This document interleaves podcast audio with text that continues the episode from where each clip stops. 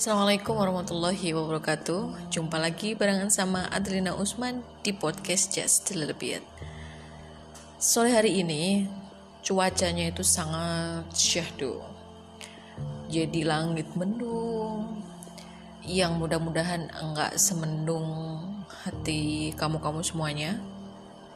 Dan hujan turun rintik-rintik ya. Tidak begitu deras tapi juga enggak terlalu rintik banget. Dan sepi ya. Aku sekarang lagi berada di sebuah kampus di sebuah ruangan perpustakaan kampus tercinta yang di sini itu bagiku melihat buku tertata dengan rapi itu udah jadi semacam mood booster sendiri aku nggak bisa menjelaskan kenapa itu. Jadi semacam kayak di itu kayak semangat jiwaku semakin uh, moncer gitulah. Dan sempat ya beberapa kali aku berbicara mengenai sesuatu yang kaitannya dengan refleksi kehidupan. Dan terkadang tuh rutinitas kegiatan harian kita membuat kita memiliki waktu yang sangat sedikit untuk membicarakan hal-hal yang uh, bisa membuat hati kita itu hidup itu dan itu yang harusnya kita hindari sebagai manusia. Kenapa? Ya karena salah satu struktur kejiwaan kita itu manusia uh, salah, salah satu struktur kejiwaan manusia itu adalah hati yang setiap hari harus mendapat sentuhan-sentuhan yang khusus semacam siraman rohani kayak atau pencerahan atau hal-hal yang lainnya yang bisa membuat hati kita itu hidup begitu. Dan aku kemarin sempat berpikir tentang bagian apa yang kemudian kita sebut hati itu adalah sesuatu yang tidak bisa dipaksakan tetapi sesuatu yang tidak bisa dipaksakan itu bukan berarti adalah sesuatu yang tidak bisa ditata. Itu kenapa kalau dalam bahasa tasawuf bahasanya itu adalah menata hati. Jagalah hati gitu kan atau menata hati itu. Begitu. Jadi meskipun hati itu tidak bisa dipaksa karena sifatnya yang sangat lembut, tetapi bukan berarti dia tidak bisa ditata. Makanya kalau misalnya kamu mencoba untuk mensabar-sabarkan sesuatu atau mengikhlas-ikhlaskan sesuatu, kamu, kamu paksa sedemikian rupa, kamu cinta-cintai sesuatu misalnya, kamu benci-benci benci-bencikan sesuatu, kamu paksa-paksakan gitu. Padahal sebenarnya perasaan kamu nggak seperti itu, maka itu akan sesu, akan menjadi sesuatu yang sangat sulit. Itu. Tetapi meski demikian sesuatu itu yang dikaitkan dengan hati itu tidak bisa ditata. Dan memang aturannya seperti itu. Persis seperti ketika kita uh, sedang ingin mencoba menata isi rumah kita. Kita mungkin ya suatu saat barangkali bisa-bisa saja meletakkan piring, kemudian gelas, kemudian sendok, di dalam sebuah kamar mandi.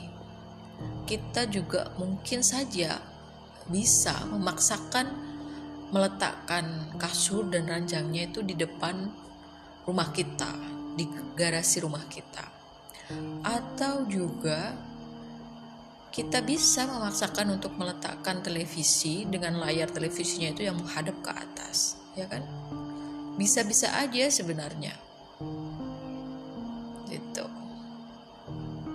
Tapi apa yang membuat kita tidak melakukan hal-hal yang seperti itu? Kita mungkin pada saat itu akan mengatur sebuah benda, kita atur tadinya kita taruh di sini, kemudian kita lihat, kita renungkan, kita timbang-timbang, kita angan-angan, kemudian kita ganti lagi untuk menaruhnya di tempat yang lain. dan di tempat yang sebelumnya kita taruh benda yang lain. Kemudian kita lihat-lihat lagi. Kita timbang-timbang lagi, sudah pantas atau belum, dan lain sebagainya. Hal-hal yang seperti ini menjadi hal yang lumrah kan dilakukan. Dan ketika kamu ditanya, kenapa sih itu kamu pindah? Ya, kita nggak akan mau menjelaskan sedetail mungkin. Itu paling banter kita bakalan menjawab bahwa kelihatannya bagus di sini gitu. Kita eh apa di sini atau jelek kalau di situ gitu kan. Itulah yang dimaksud dengan rasa, dengan pertimbangan sesuatu yang uh, bukan sesuatu yang rasional dan itu menjadi struktur kejiwaan kita yang harus diakui bahwa itu selalu mewarnai kehidupan kita keindahan itu nilai-nilai yang berkaitan dengan keluhuran kejujuran kefitrahan dan lain sebagainya. Itu. Dan hmm, apa lagi ya? Tadi aku ke keinget satu hal. Tapi tiba-tiba langsung ngeblank. Aku nggak tahu kenapa. Ada satu hal yang ingin aku sampaikan lagi aduh tapi lupa ya intinya seperti itulah jadi ada dalam diri kita itu sesuatu yang tidak bisa dipaksakan, tetapi bukan berarti itu tidak bisa ditata. Begitu. Ya, persis seperti kita ingin menaruh atau mengisi atau menata benda-benda yang ada dalam rumah kita. Oh ya, satu lagi.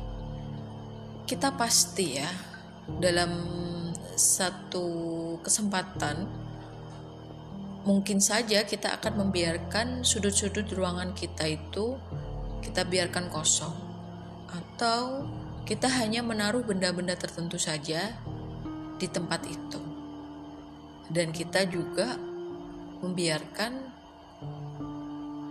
uh, beberapa ruangan di sudut rumah kita itu kosong itu ya bisa untuk kalau bahasa Jawa sih kelekaran gitu ya.